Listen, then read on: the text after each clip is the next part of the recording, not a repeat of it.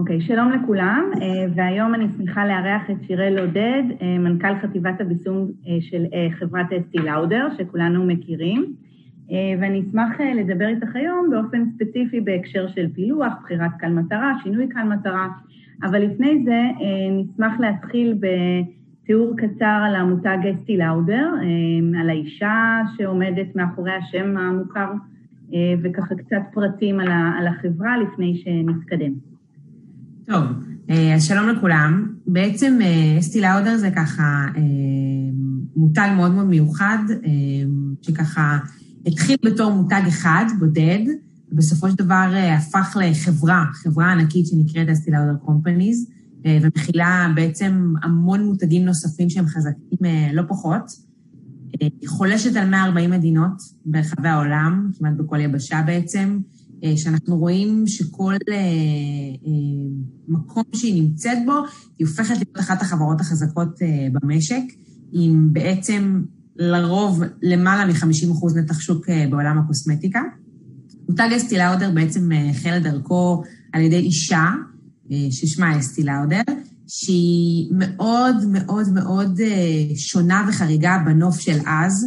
היא לא אישה רגילה, אנחנו מדברים על לפני די הרבה שנים, והיא בעצם הולכת ובונה בזכות עצמה בעשר אצבעות את החברה המדהימה הזאת ומקימה אותה עם הרבה מאוד אמביציה, עם הרבה מאוד השקעה.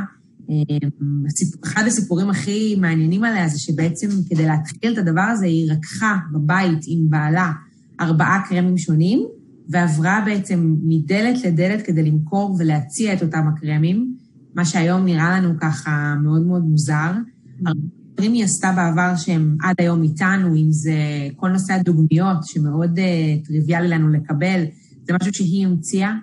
כל נושא המתנה ברכישה, היום כמעט בכל מותג שמכבד את עצמו מקבלים ככה גודי בג, שקונים משהו, uh, זה משהו ששוב, היא ככה טבעה את ההתנהגות הזאת.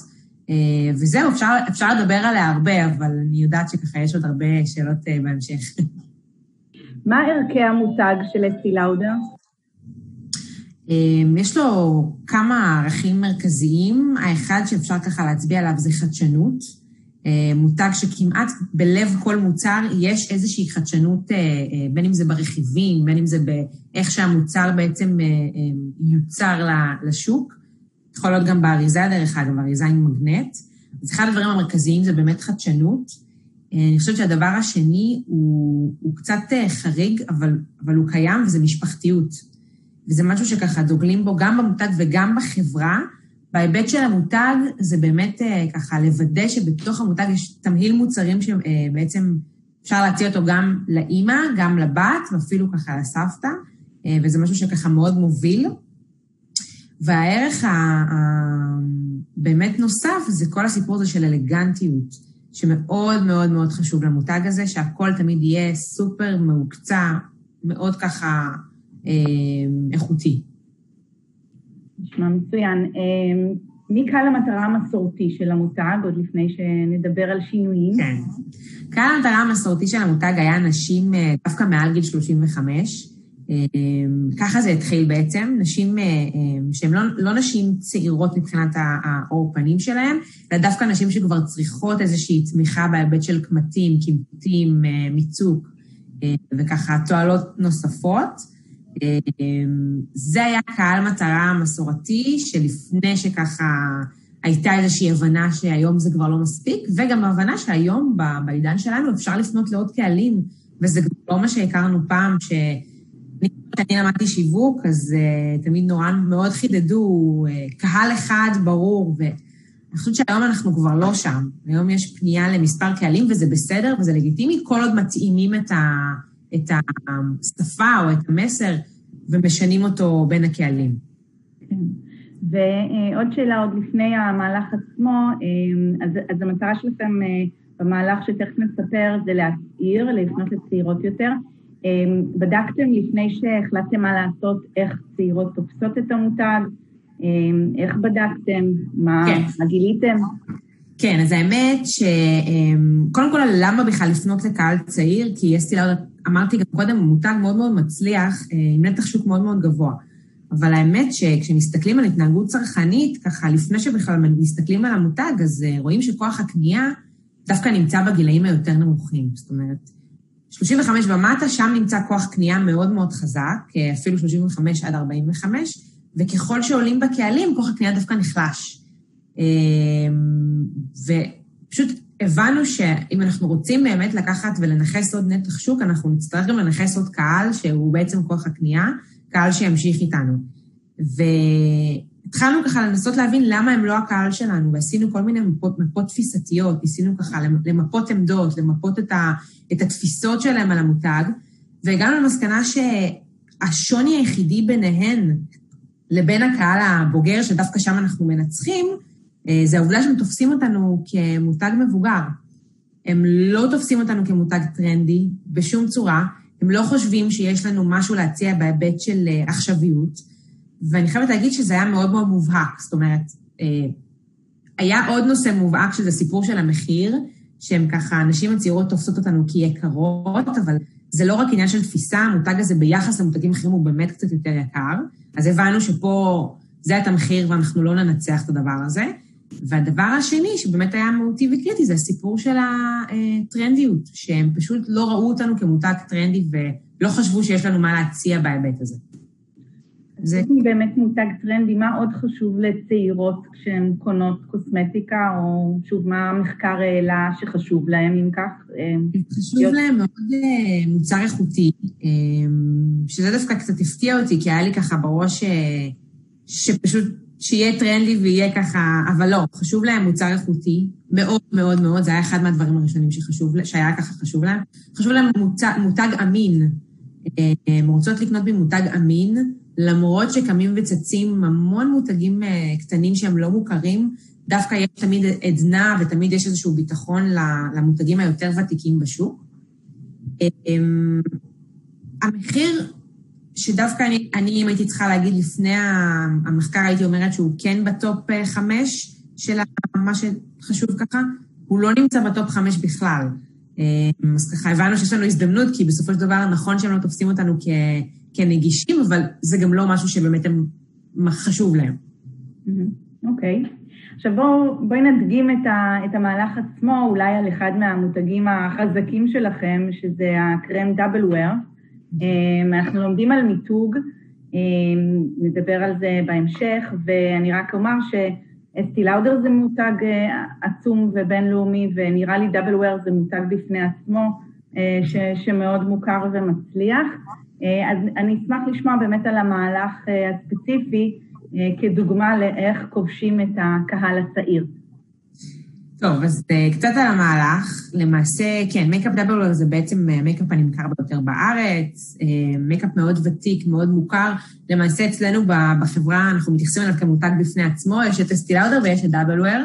זה לחלוטין מותג לכל דבר ועניין, לא רק בהיבט של איך אנחנו זוכרים אותו, יותר בהיבט של היקף המכירות שלו וה, והשם שלו בשוק במוניטין.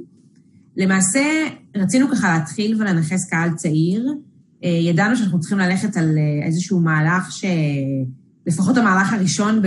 ב... בסריית המהלכים, שיהיה מהלך יחסית פשוט.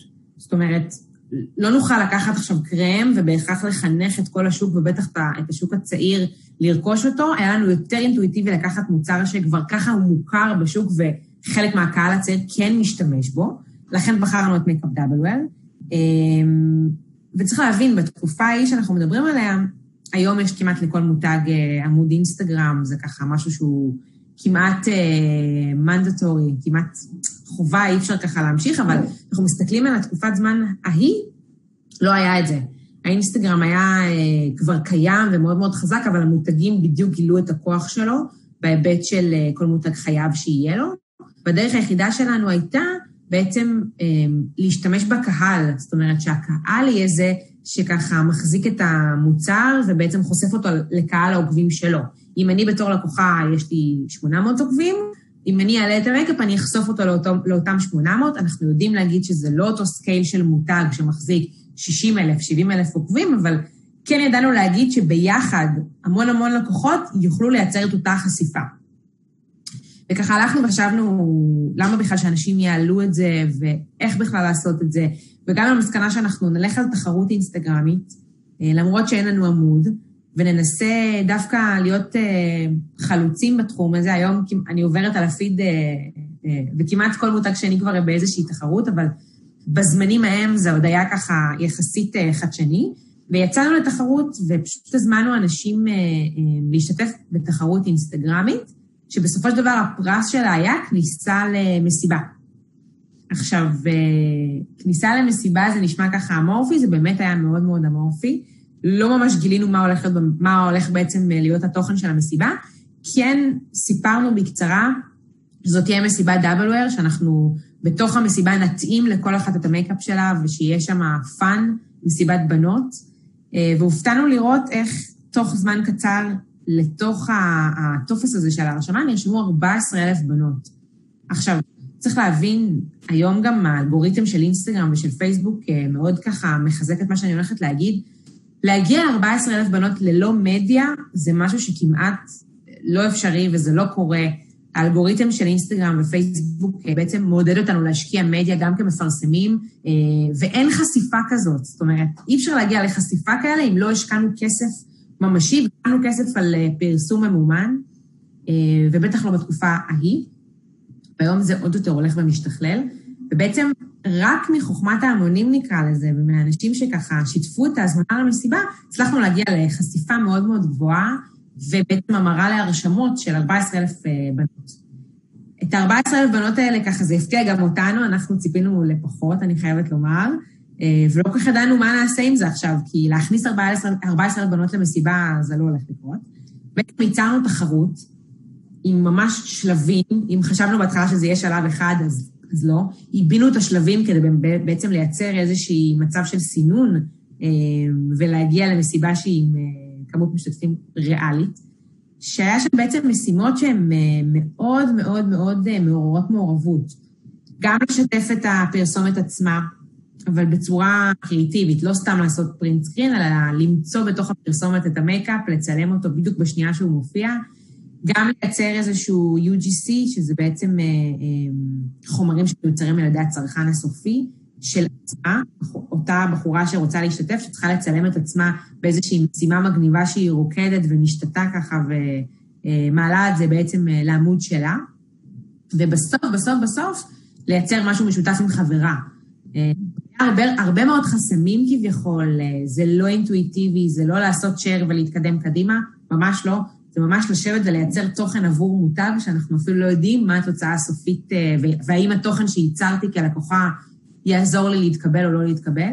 אה, בסופו של דבר, ראינו שככל שזזנו בתוך השלבים, נכון שהייתה נטישה, אבל הנטישה לא הייתה נטישה אה, גדולה כמו שחשבנו, והרבה מאוד בנות ייצרו את אותם החומרים שבסופו של דבר הגיעו לחשיפות מטורפות מבלי שהשקענו בכלל מדיה.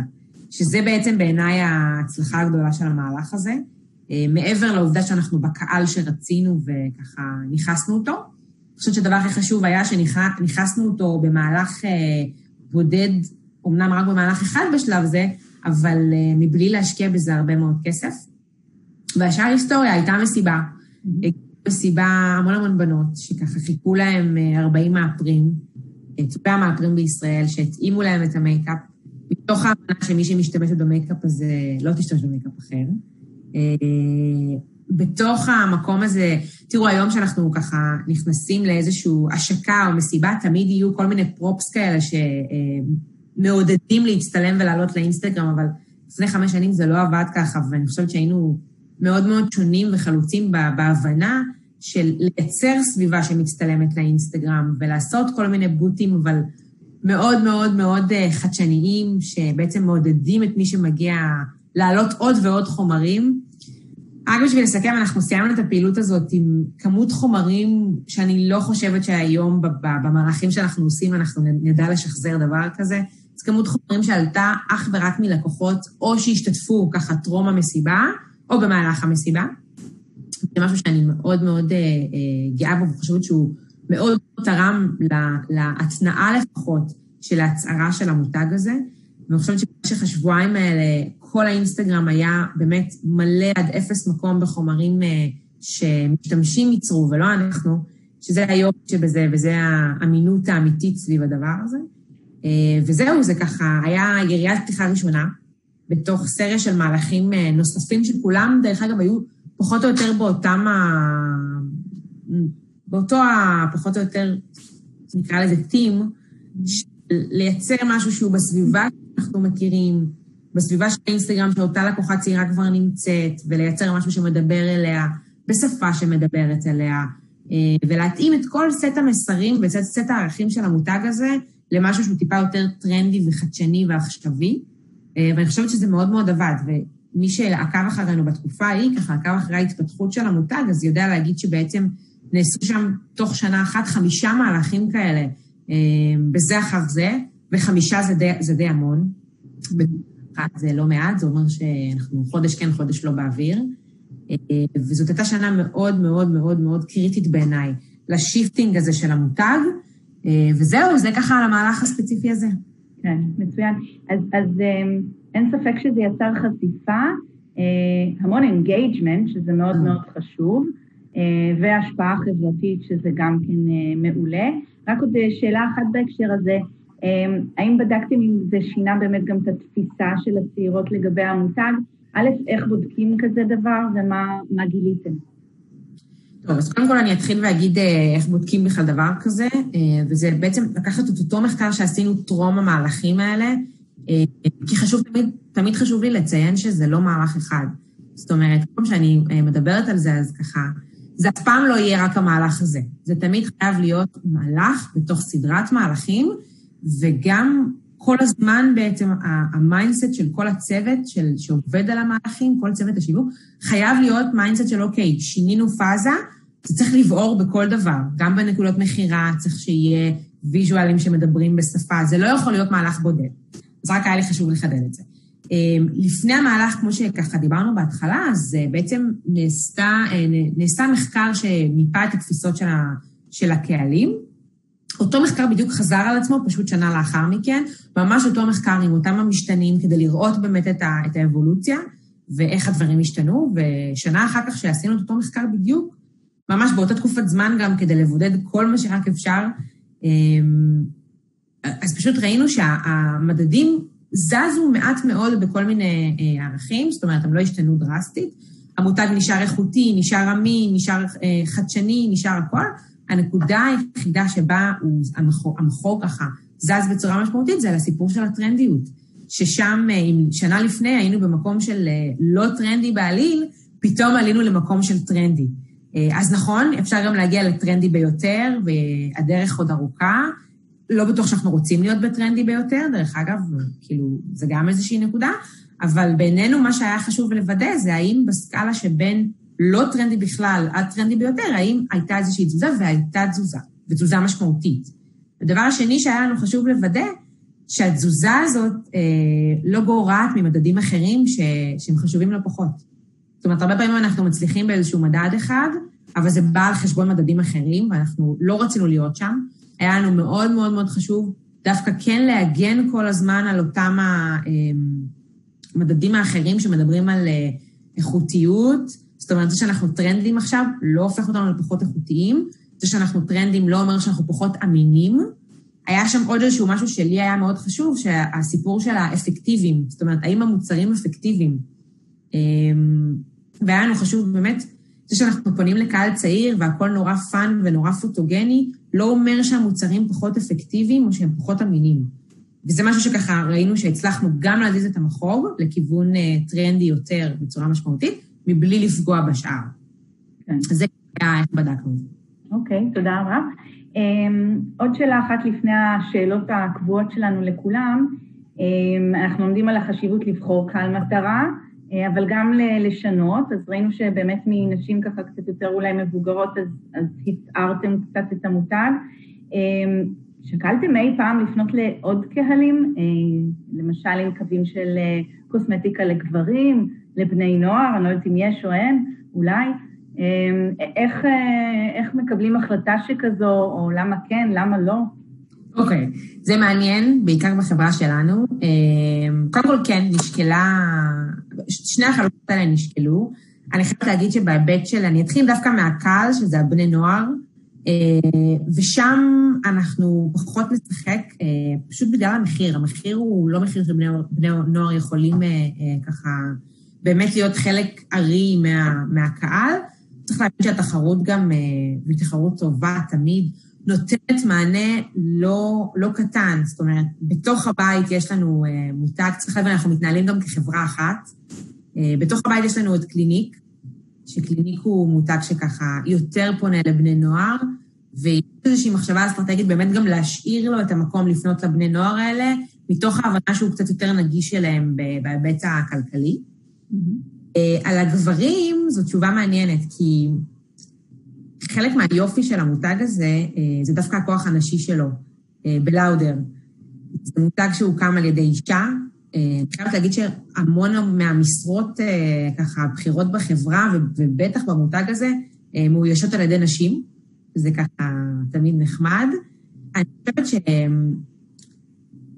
שוב אני, אני אגיד, זה פחות הרוח של המותג. יש מותגים בבית שהם קצת יותר מתאימים בפנייה לגבר, קליניק הוא אחד מהם, דרך אגב.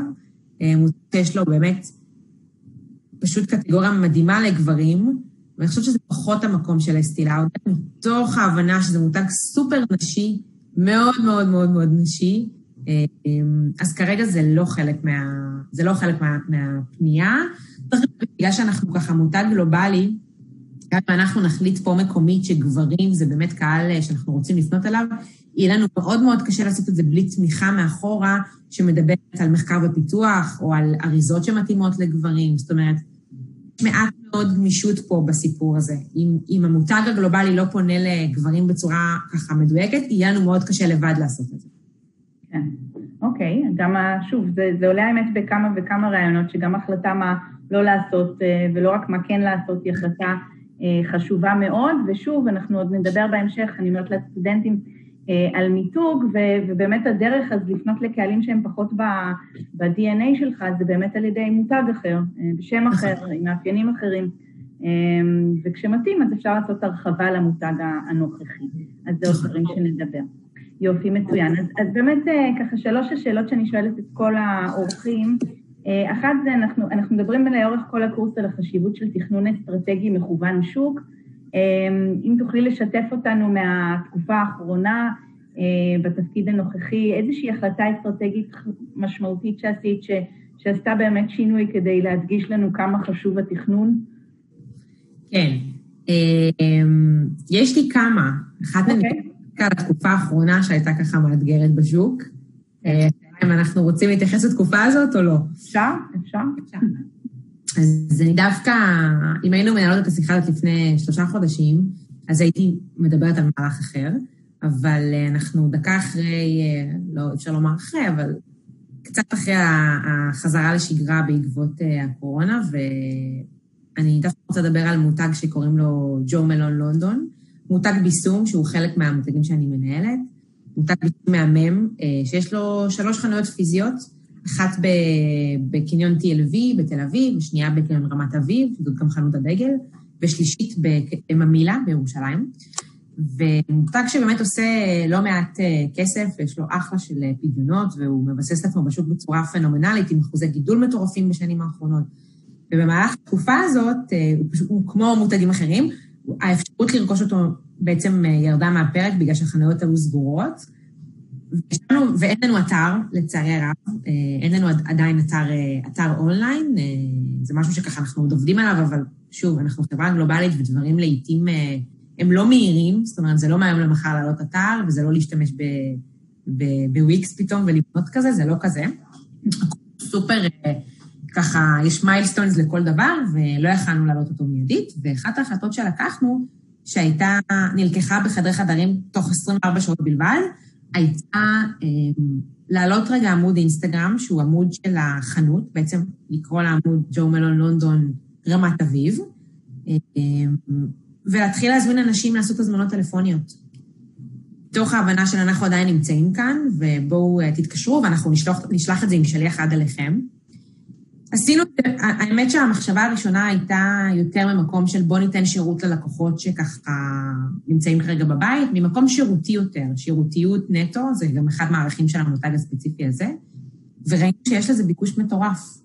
ראינו שדווקא ככל שאנחנו ככה יותר אומרים לאנשים, בואו, אנחנו נשלח אליכם הביתה עם שליח ואין בעיה, הדבר הזה התפוצץ והלך וגדל בצורה פנומנלית, שפשוט היינו צריכים לעצור ולעשות חישוב מסלול מחדש, להבין את הפוטנציאל המאוד מאוד גדול ש, שככה עומד פה, לגייס את כל מי שככה יושב בבית כרגע אה, לתוך הדבר הזה, כדי לארוז את, ה, את הכמות המשלוחים הלא נורמלית שהייתה שם, ובצורה הזויה, במהלך החודש וחצי שהחנות הייתה סגורה לחלוטין, הצלחנו למכור יותר מאשר שהיא הייתה פתוחה.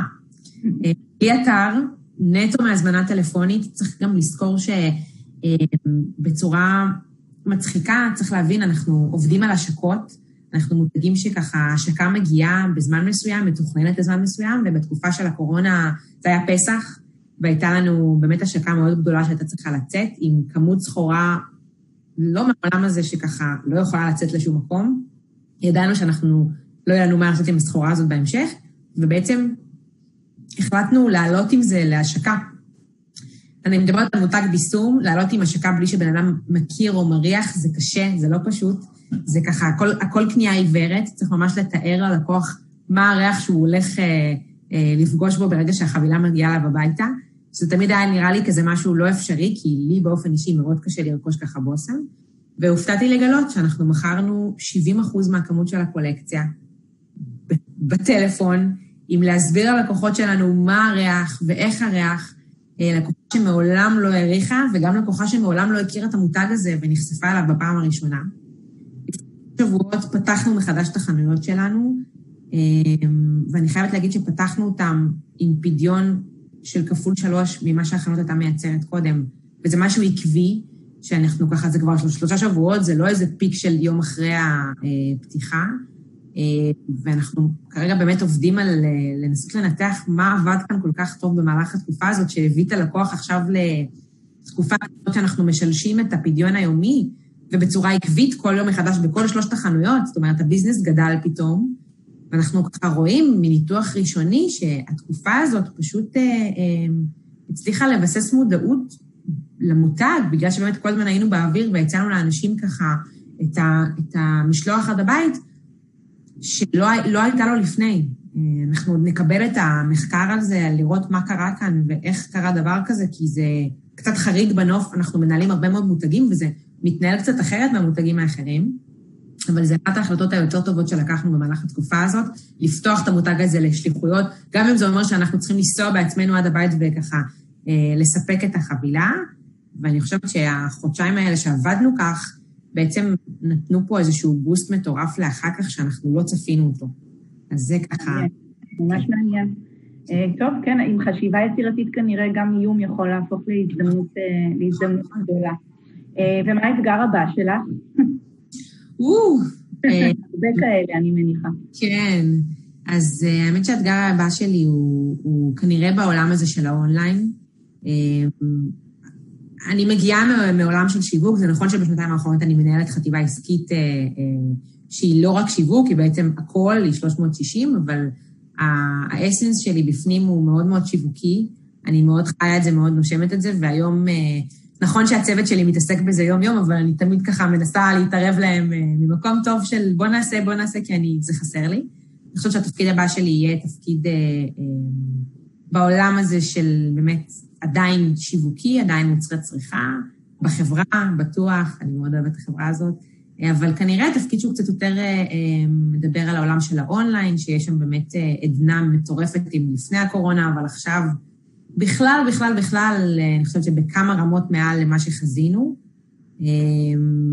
והאתגר בהיבט של המותגים זה באמת להגיע למקום, בעיניי צריך להבין שכל ההתנהגות צרכנים פה השתנתה משמעותית. אמ, אנחנו, אפשר לדבר על זה שעות, אבל ככה, אם אני צריכה למפות, אני חושבת שהצרכים של הלקוח השתנו. הערכים שלו גם השתנו.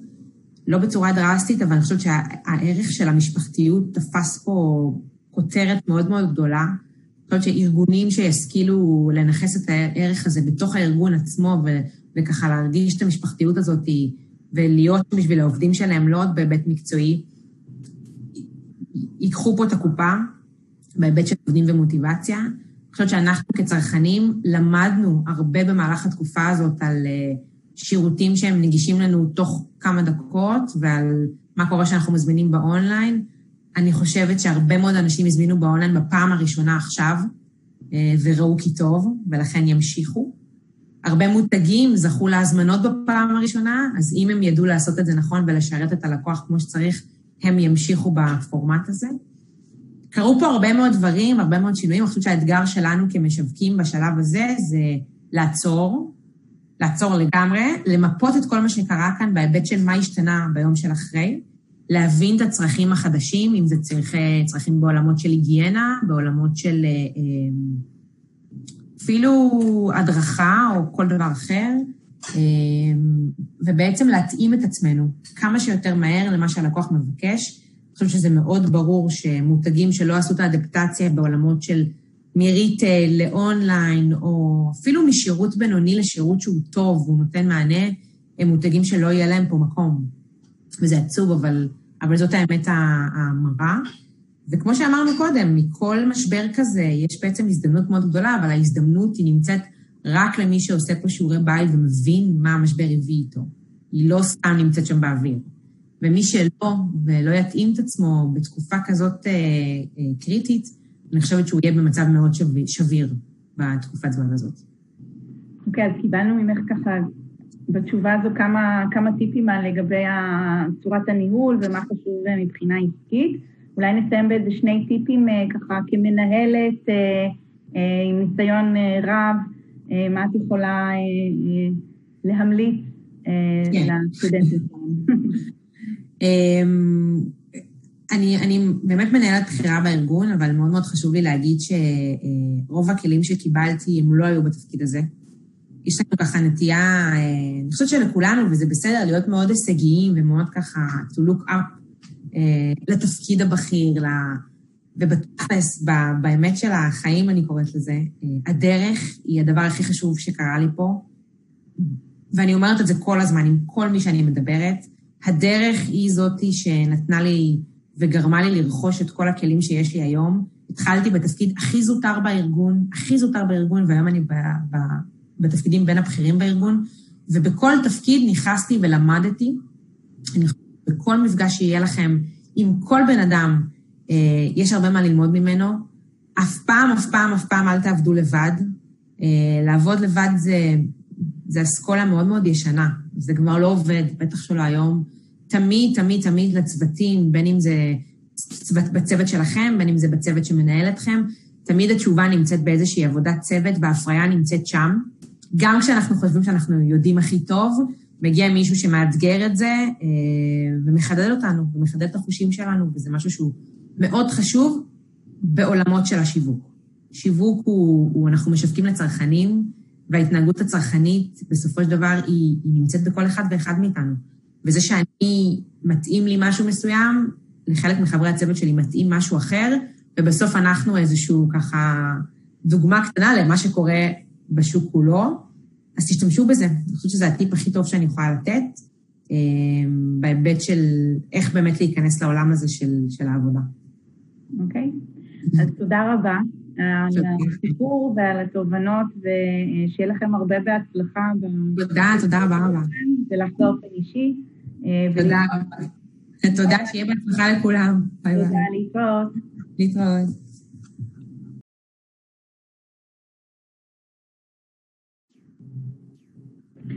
שלום לכולם, אה, אני שמחה להציג בפניכם היום את אה, יפית מנטין, סמנכ"לית שיווק בחברת נספרסו. יפית, תודה רבה שהסכמת לתת לנו מזמנך כדי להתראיין לגבי המותג שכולנו מכירים. אה, ונשמח להתחיל אה, בקצת נתונים, אה, למשל, כמה בוטיקים יש לכם בארץ, כמה חברי מועדון יש לכם, בכלל, כמה סוגי קפה אתם מוכרים, קצת נתונים שנכיר טיפה יותר את המותג.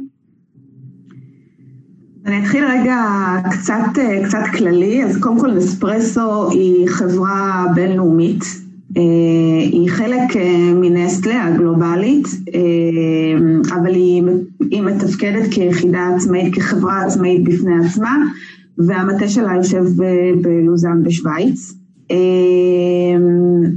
נספרסו ישראל התחיל את הדרך לפני 11 שנים, כשככה קם הבוטיק הראשון ונתן איזושהי חוויה שונה ואחרת, ובעצם התחיל להכיל ולחולל את, את מהפכת הקפה.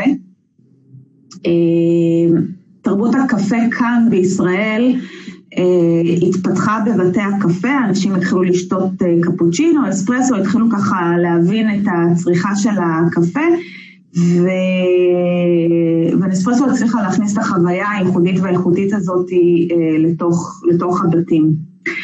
כיום, בהמשך רגע לשאלה שלך, יש לנו עשרה בוטיקים שהם פרוסים ברחבי הארץ, כאשר השנה גם הכרזנו על הקמה של בוטיק בדיוטי פרי, שזה דקה לפני שיוצאים לחו"ל, אפשר גם לקבל איזושהי חוויה של נספרסו בדיוטי פרי, ובעצם לאפשר גם ברמה צרכנית פרטית, וגם אם אני רוצה לקחת את זה כאיזושהי מתנה, להשלים את הצריכה, כך שכשאני חוזר מחו"ל זה מחכה לי.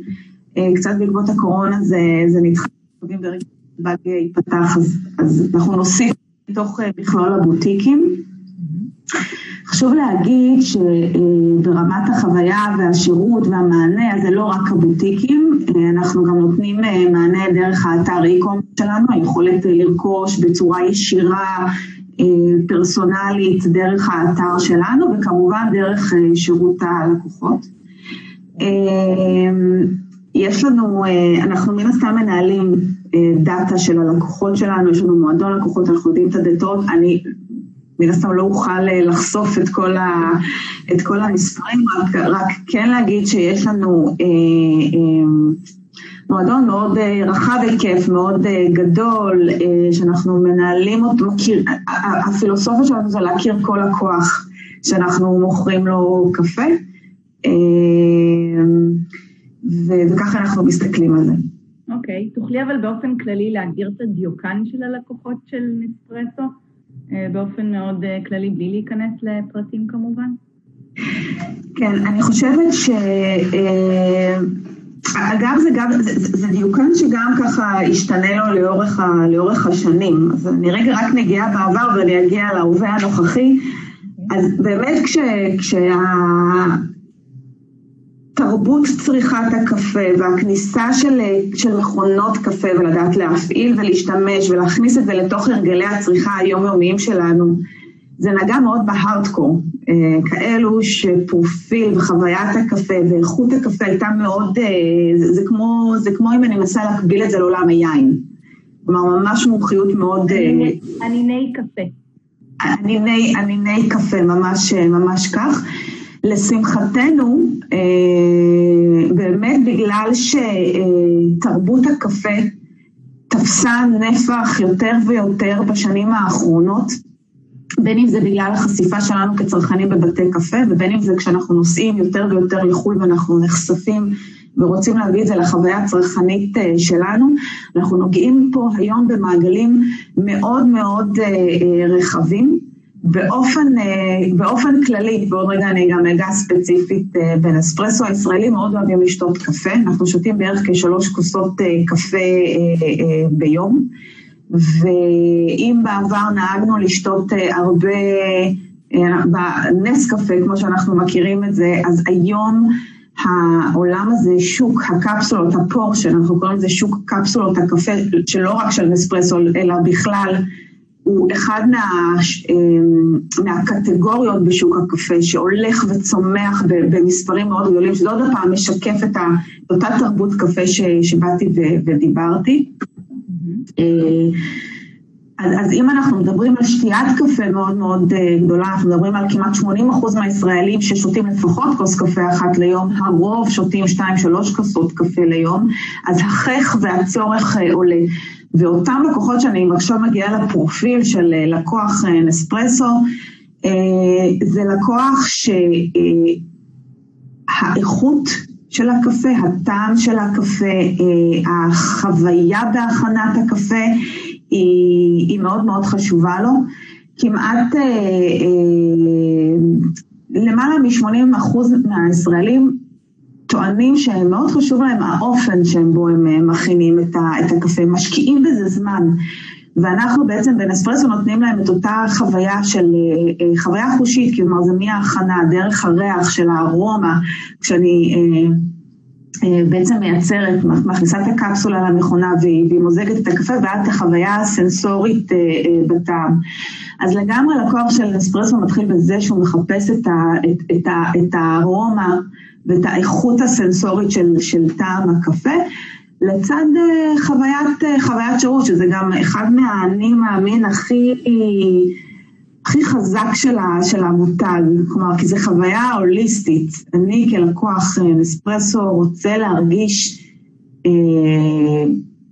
את, ה, את השירות ואת הפרסונליות ואת החוויה ואת הנגישות, שאני בכל רגע נתון יכול לקבל את החוויה הזאתי, וזה, וזה בעצם השילוב, זה השילוב שלי כלקוח, שאני רוצה לייצר לעצמי את התחושה של המומחיות והידע בקפה, דרך החוויה הסנסורית של הקפה, ועד מה שאני מצפה כלקוח, אגב, בכלל במערכת יחסים מול כל מותג שהוא, אה, שתכירו אותי, שתיתנו לי את השירות ואת החוויה אה, הנכונה. אז זה רגע אם אני מזקקת אל מול, הלכתי למדף וקניתי קפה כזה או אחר.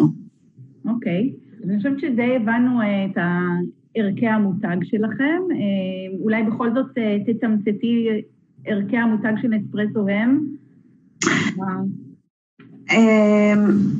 ערכי המותג הם, הם לגמרי איכות, איכות ומומחיות בלתי, בלתי מתפשרת, ואני גם אשמח טיפה להסביר מה עומד מאחורי המשפט הזה.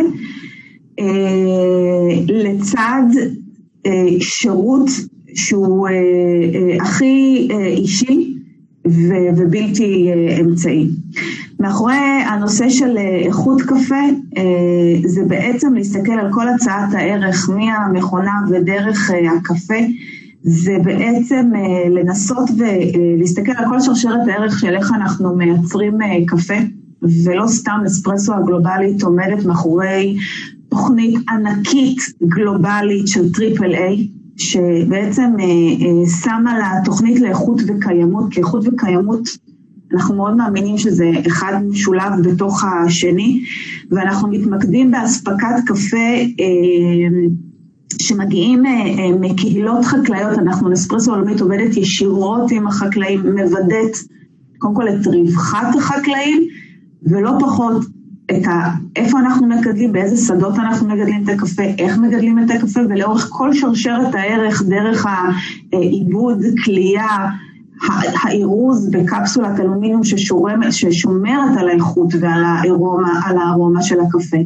כלומר, מאחורי המילה איכות, שהיא ככה אולי נשמעת ממילה כללית מדי, יש מחויבות אמיתית גלובלית בהיקפים בלתי מובנים לסטנדרט אה, אה, ולעשייה. ובסוף זה התוצר של מה אני מרגישה כשאני שותה, שותה את הקפה. זה, זה מצד אחד. ו, והדבר השני זה זה נסטלה גלוב, זה, זה נספרסו גלובלית, אבל אני באמת חייבת אה, להגיד גם אה, דגש מאוד אה, חזק, גם אפילו לוקאלי, זה לתת שירות אישי ומקצועי בכל נקודות הממשק. לא מעט לפעמים שאלות או דילמות שאנחנו נתקענו בהן ברמה, ברמת החלטה עסקית, ואנחנו הלכנו לשירות לפני הכל וצרכן לפני הכל. ולכן שכשצרכן, שלקוח נכנס אלינו לבוטיק, אנחנו רוצים שהוא יקבל מין איזושהי חוויה הוליסטית אה, אה, מלאה, ממש אה, להפעיל את כל החושים שלו.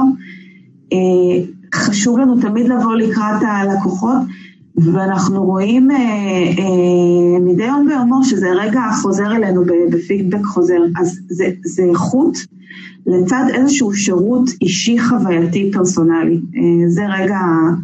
הערכים. ותמיד חדשנות, אני חושבת ש... אני לא מסתכלת על חדשנות כערך, אני מסתכלת על חדשנות כמנוע, כאנייבלר, חברה, מותג, במיוחד כזה שהוא עובד ונמצא כל כך הרבה שנים, אם הוא לא ידע כל הזמן לייצר לו את, ה, את הבעירה הפנימית הזאת להתחדש, אז הוא יפסיק להיות רלוונטי. אוקיי, אז קודם כל נראה לי שזה הזמן לגילוי נאות שאני חברת מועדון נאמנה, ואני יכולה להעיד שאני חווה את החוויה שאת מדברת אליה כל פעם שאני באה לבוטיק בקניון רמת אביב. אמ, אז אנחנו לומדים בקורס, רק ברשותך אני אקשור את זה לכמה מושגים. קודם כל ראינו דוגמה מצוינת של ניהול אה, רשת אספקת ערך, זה מושג שדיברנו עליו בפרקים קודמים, אה, עם התיאור עם החקלאים, הקשר עם החקלאים וכולי, התמיכה בהם. אה, ודבר שני, באמת בפרק הנוכחי אנחנו לומדים על הנושא של מיצוג, יצירה של תפיסה מסוימת בתודעה של הצרכן, וכל הנושא של בידול. אז אנחנו מבינים שבעצם נספרסו מבדלת גם על פי אמ, אלמנטים של מוצר וגם על פי אלמנטים של, אה, של שירות. אמ, הזכרת קודם את החוויה הסנסורית, החושית. אה, אז באמת מיתוג חושי זה משהו שהרבה חברות היום נעזרות. תוכלי עוד קצת להרחיב על זה? זאת אומרת, איך, אמ, איך חוץ מהריח של הארומה של הקפה, יש עוד ריחות שאתם מהנדסים שם? בכלל, איך מתכננים חוויה חושית ו... וכמה זה משמעותי אה, להשפיע על צרכנים. נשמח לשמוע עוד על זה. אה, אז, אז כן, אני חושבת ש, שחוויה ככה חושית, כמו שאת מגדירה, היא מאוד חשובה. אני חושבת אה, שמותגים שיש להם יכולת לקשר סופי ואישי עם הלקוח, כלומר, קרי, יש להם איזשהו סוג של חנות, בוטיק, כלומר איזשהו קשר אה, אה, אה, בין אישי סופי, יש להם כוח, אה, יש להם כוח וגם אפילו מחויבות מאוד מאוד אה, גדולה. אה, אני, בעברי ניהלתי מותגים גדולים ומוכרים וחזקים, אבל הם נמכרו דרך מדף הריטל, הסופרמרקטים וכולי שאנחנו מכירים, ו... וזה היה אתגר מעניין בפני עצמו, אבל לא הייתה, לא לגענו. ונספרסו יש לה את הבוטיקים, אה, אה, יש לה כמובן את האתר האי-קומרס, אבל יש לה את הבוטיקים שהם נותנים את ה...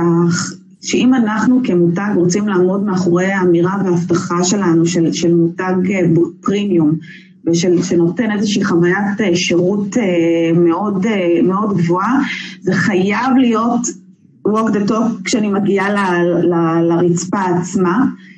ו... ועוד דקה לפני נספרסו, אני חושבת שהיום אה, בעולם הזה של ה omni channel, של האופליין ואונליין, אה, מה שקורה זה שהרבה מאוד, אה, שרצפת ה retail הולכת ומשתנה לנו יותר ויותר עם השנים, והופכת להיות רצפה שאמורה לספק יותר ויותר חוויה ומכלול. כלומר, אני לא באתי רק לקנות את ה product, אני באתי ליהנות מה, אה, מה service, מה, מהשירות, מה, מכל השירות ההוליסטי באשר הוא, אה, והיום יותר ויותר חברות קמעונאיות עם מותגים שהם established, יצטרכו כל הזמן לחשוב איך הם לוקחים את רצפת ה retail ומייצרים שם איזושהי חוויה הוליסטית ומחברים בין אונליין לאופליין. ובתפיסה הזאת, קודם כל זו תפיסה ש... רווחה שנים שנים שנים אחורה באנספרסו, נספרסו הגלובלית, כמובן גם כאן בישראל. וכשמבחינתנו בראייה שלנו שלקוח נכנס אה, לתוך הבוטיק, אז לא סתם אה, ככה השתמשתי באמירה שאנחנו רוצים להפעיל אה, את, את, כל ה, את, את כל החושים, בין אם זה הריח שנכנסתי לבוטיק, דרך מה שאני חווה ברמת הראייה והדיזיין וקיר הקפסולות, כלומר קיר הקיר האיקוני שמראה את השפע ואת המגוון אה, ומייצר לי בעצם את הגירוי ואת הסקרנות לבוא ולשאול דרך המסע שאני מגיעה לאותה עמדת אה, טעימת קפה ושם יש את ה... אה, את המענה הפרסונלי, מה שם את כמה שאלות שאני מנסה לזקק מה, מה הפרופיל, מה את אוהבת ואת ההתאמה האישית, יש פה את החוויה האישית וכמובן יש פה את הריח וגם את החוויה הסנסורית. כשכל זה זה במעטפת אה, שירות שמאוד חשוב לנו להיות את, ה, את המקום האישי והאדיב, ועוד פעם, בגובה העיניים והבלתי אה, אמצעי, למרות שאנחנו רוצים מאוד לשמור על היוקרתיות ועל, ועל המותג מותג הפרימיום. ו, ובעצם זאת רגע התפיסה הכוללת שאנחנו רוצים, אנחנו אה, אה, רוצים להעניק בבוטיק, לא סתם לקוחות שנכנסים לבוטיק אומרים, אני מרגיש שקיבלתי חוויה של חו"ל. שנכנסתי ולרגע קיבלתי איזושהי טעימה שונה מהחוויות היומיומיות שאני אה, אוסף לי לאורך היום, נכנסתי לבוטיק והרגשתי משהו שהוא אחר. גם כשאנחנו, כשאנחנו אה, מסתכלים על חוויית הלקוח בבוטיק, אנחנו ממש אה, שוברים את זה למסע לקוח, אנחנו ממש שוברים את זה לתחנות, אנחנו אומרים, אוקיי, איך אנחנו בכלל מושכים את תשומת הלב, וזה מחלונות הראווה שתמיד משדרים כל, כל ככה כמה חודשים את הקונספט, את אותה חדשנות ואת אותו, את אותו שיח שאנחנו רוצים להעביר, ומהרגע שהוא נכנס לבוטיק, בכל שלב ושלב מה אנחנו רוצים שהוא ירגיש, מה אנחנו רוצים שהוא ישמע ומה שאנחנו רוצים שהוא אה, אה, יטעם ויחווה. ו, אה, ולצד כל זה, אני, אני שוב חייבת לומר ולציין שלא פחות חשוב לנו אה, ברמת השירות והחוויה, זה לא רק מה שהוא מקבל ברצפה הפיזית, זה באמת אותו אומני צ'אנל, זה מה, מה הוא חווה מאיתנו ברמת התקשורת האימיילית, מה, מה, איזה מידע הוא מקבל מאיתנו כל הזמן,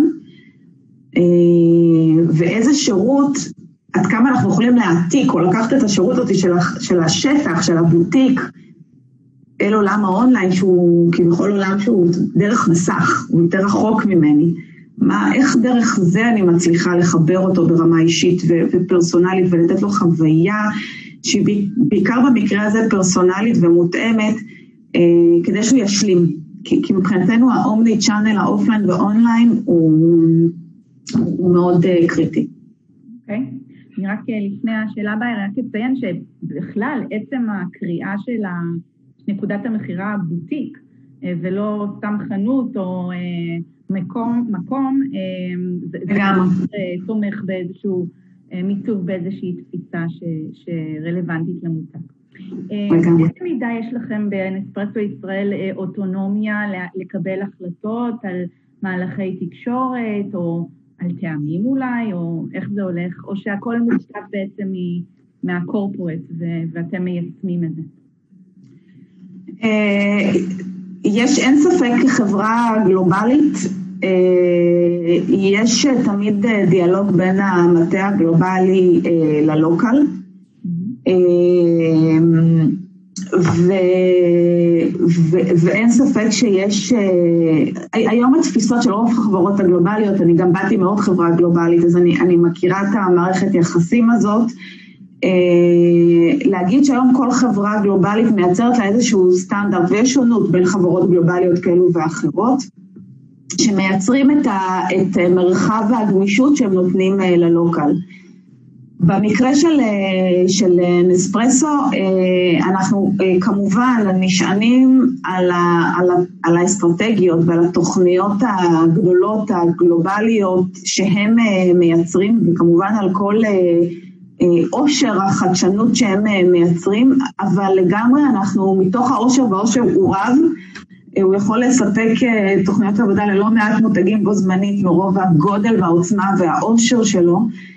תחת העושר הזה אנחנו בעצם אה, מסתכלים אה, לוקאלית, אנחנו אפילו מחויבים להסתכל לוקאלית ולהבין מה הטרנד של השוק כאן, מה הפוטנציאל וההזדמנויות שיש בשוק, מה ההתנהגויות של הצרכן שלנו, מה הוא אוהב יותר, מה הוא אוהב פחות, מה מפת התחרות, כלומר מה הזירה התחרותית המקומית שאיתה אנחנו מתמודדים מה הפוטנציאל של העסק הלוקאלי שלנו, ואחרי שאנחנו עושים את הבחינה הזאת, אנחנו בעצם אה, בוחנים מה, מה נכון לנו ברמה לוקאלית, מה אנחנו רוצים אה, לקחת. כמובן שיש דברים שהם גם מנדטוריים, שאנחנו צריכים אה, לקחת אותם, אבל יש את המקום ואת הגמישות לאותה התאמה לוקאלית.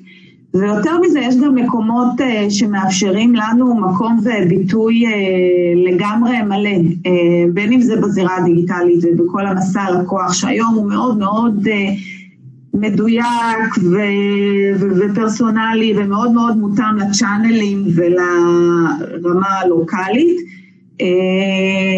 ולבין יוזמות או שיתופי פעולה כאלו אחרים שאנחנו רוצים לעשות לוקאלית. אז יש תמיד את הדינמיקה, יש גם דינמיקה של מערכת יחסים, ככל שאתה מדינה שמוכיחה לאורך שנים אה, אה, חוזק עסקי וצמיחה מותגית וככה, ומערכת יחסים שהיא, כמו כל מערכת יחסים עם הנהלות כאלו ואחרות, אתה בונה מערכת יחסים שהיא נכונה, אז יש ביל טראסט.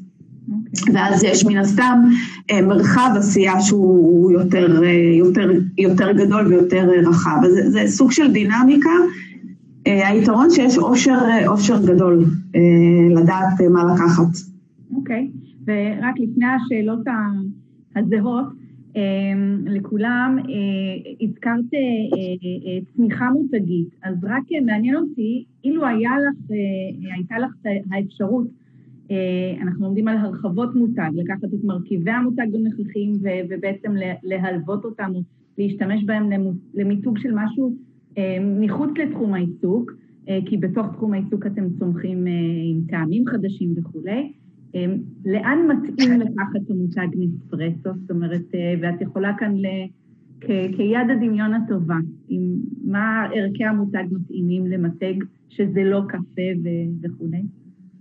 אמ, האמת שככה ככה חשבתי על השאלה, אמ, ואני חייבת לומר דווקא מהמקום הטוב שאינטואיטיבית לא עלה לי איזה משהו ככה ראשון, אה, ראשון לראש. אמ, כן, אני, אני כן מסכימה עם האמירה שכשמותג כבר מגיע לאיזשהו אסטאבליש והוא כבר יושב, יש לו את המקום ואת ההזדמנות להרחבת uh, מותג, להגיד אוקיי, מה הקטגוריה uh, הבאה? ודווקא פה בנספרסו פחות הרגיש לי ככה uh, אינטואיטיבית להגיד אוקיי, זה האזור הזה, או האם בכלל אנחנו, אנחנו שם. אני חושבת שכשאני מסתכלת על אה, עולם הקפה ועל תרבות הקפה ועל העובדות הכי אה, בפועל, עדיין עם כל תרבות הקפה ושתיית האספרסו וה, אה, והדאבל אספרסו וכולי, עדיין רובנו אוהבים לשתות את הכוס הגדולה. את הכוס הגדולה, את ההפוך, את האמריקנו, את הכוס הזאת עם החלב וה, והמים. ואני חושבת שברמת, אה, מה שנקרא, המותג שלוקח על עצמו את האג'נדה, להמשיך להטמיע את חוויית ועניינות הקפה, עוד, אה, עוד ההזדמנות שם היא רבה, ולכן זה, אני לא הייתי קוראת לזה הרחבת מותג, אולי הייתי קוראת לזה מתיחת מותג, וזה לייצר בעצם מערכות ופתרונות בתוך העולם הזה של, אה, של הקפה, כדי להמשיך ולייצר חדירה. אגב, התחלנו בזה שנה שעברה עם מערכת חדשה שהיא באמת ממוקדת לעולם הזה של הקפה הגדול, אבל לגמרי... עוד לא מיציתם. יש, יש עוד penetration בעולם הקפה ש... שהוא שינוי התנהגותי שצריך עוד לעשות, ולכן אולי זה מתיחת מותג, לא הרחבת מותג. אוקיי, אז עוד ייקח זמן עד שנראה בושם נספרסו או קו בגדים נספרסו. כן. כן. כן. היו אגב ניסיונות אה, בחו"ל אה, להקים אה, לנספרסו בתי קפה, כלומר זה עדיין נשאר בעולם הקפה, וזה היה רגע עוד דרך, עוד דרך נוספת להגיע ללקוח הקצה. אני באמת חושבת שבתוך העולם הענק המטורף הזה שנקרא קפה, יש עוד מה לעשות. אוקיי. לפני שאנחנו הולכים לביגוד או... כן, ולבושם. אמ, מצוין, אז לשלוש השאלות הזהות לכל המנהלים. קודם כל, אנחנו לומדים לאורך כל הקורס על החשיבות של תכנון אסטרטגי. אם תוכלי בקצרה לשתף אותנו איזושהי החלטה אסטרטגית טובה שקיבלת, שעשתה שינוי, נשמח. אה, אז קודם כל כן, אני מאוד מסכימה, אני חושבת שתכנון אסטרטגי הוא, הוא, הוא קריטי, לא משנה באיזה נקודת זמן המותג אה, נמצא, כי תמיד יש שינויים ודינמיות מסביבו, פי, פי כמה וכמה בעולם המשתנה שלנו, וזה מה שכיף, אה, שאנחנו לא עומדים במקום ושום דבר לא ברור מאליו. אה, ובעיניי אה, ככה אה, תכנון אסטרטגי, אני מתרגמת את זה ללהתוות דרך. אני מאוד משתמש, אני מאוד אוהבת להשתמש במילים האלו בהתוויה של דרך, כי ברגע שיש לך קליר להתוויית הדרך, אתה תצטרך אולי לעשות adjustment ושינויים תוך כדי, אבל זה תמיד עובד. תוך שנה, שנתיים, שלוש, אתה מגיע לשם, אתה, אתה מגיע לשם. אז, אז אני תמיד דבקה בדבר הזה שנקרא התוויה של, של דרך, וזה, וזה מסע, וזה בסדר. וספציפ, וספציפית אה, לשאלתך, אני... אה, אה, שתי החלטות. אגב, שתי החלטות שאני חייבת ככה להגיד שברמת ארגון וחברה אני הייתי שותפה אליהן, אבל הן היו גם טרום הכניסה שלי לתוך אספרסו, שאני ככה עוד יחסית די חדשה ב, בארגון, אבל באמת כשאני כאילו הייתי צריכה לקבל החלטה, זה היה נראה לי נכון להמשיך ולקחת ולהטמיע את זה קדימה. אני חושבת ש...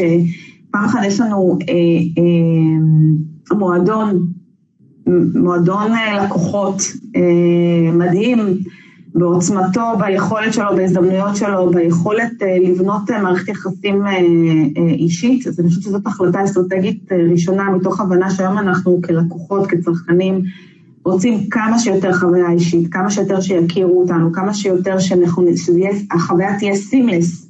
אני רוצה את זה כאן ועכשיו. וזאת ההחלטה הראשונה, מבחינתי קריטית, ועוד פעם, בהסתכלות של שנים, שנים קדימה, לא רק אה, למחר בבוקר מה יקרה בעוד חודשיים בתוכנית עבודה. אז ההחלטה השנייה זה באמת להסתכל על האוקיינוס הכחול ולהבין, כמו שאמרתי מקודם, שיש עוד לא מעט עשייה בתוך זירת הקפה, לא סיימנו למכור, שנקרא קפה, לא משנה איזה, ושאנחנו מסתכלים על ה... על המערכות או על הפתרונות שאנחנו מציעים לשוק, אז באמת התמקדות במערכת שגם נותנת את, ה, את המענה ללקוחות אה, שאוהבים גם אה, כוס גדולה. אוקיי. ותוכלי לשתף אותנו באתגר קדימה, איזשהו משהו שעומד בפתח, לא באופן ספציפי, אלא באופן כללי, מה האתגר הבא שלה? אמ, אני חושבת, אה, אני לא יודעת אם הייתי משתמשת בזה כאתגר, אמ, אני משתמשת בזה, אני יותר כאילו, כי זה יותר קצת אני, אני מאמין ורואה את זה יותר כהזדמנות, אה, ככה אני קצת אולי חוזרת עוד פעם על הדברים, אני מאוד מאמינה שאנחנו הולכים אה, לעולם שבו החוויה תהיה הרבה הרבה יותר גדולה מה, מהמוצר עצמו. אה, ושה service יהיה יותר גדול מה product.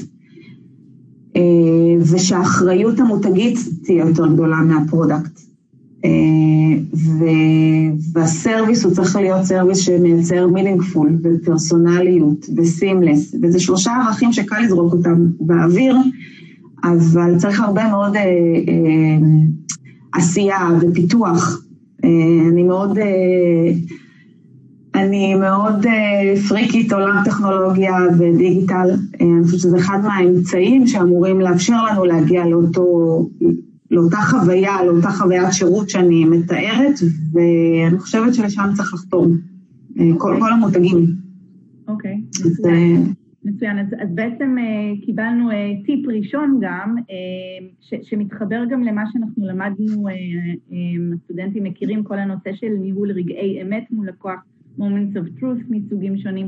Uh, אז הטיפ הראשון זה באמת אולי להבין את מסע הלקוח, לנהל נכון את רגעי האמת ולהתבסס uh, על טכנולוגיה שעושים את זה.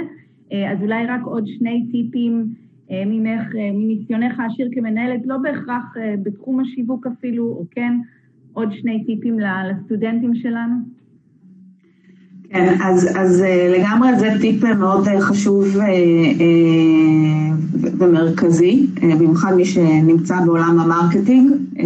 זה לא יכול, מי שרוצה להישאר רלוונטי בעולם ה marketing, חייב לצלול ולהבין את זה אחר כך. זה, זה, הוא לא יצליח, הוא יהיה דינוזאור בבוא העת. הצד השני אה, זה, זה אני מאמין שלי, אה, זה היכולת לפתח ראייה עסקית. אה, marketing זה לא communication, יש לא מעט אנשים שמתבלבלים. marketing זה business, וכדי להצליח אתה צריך לפתח ראייה עסקית וסקרנות ולשאול שאלות.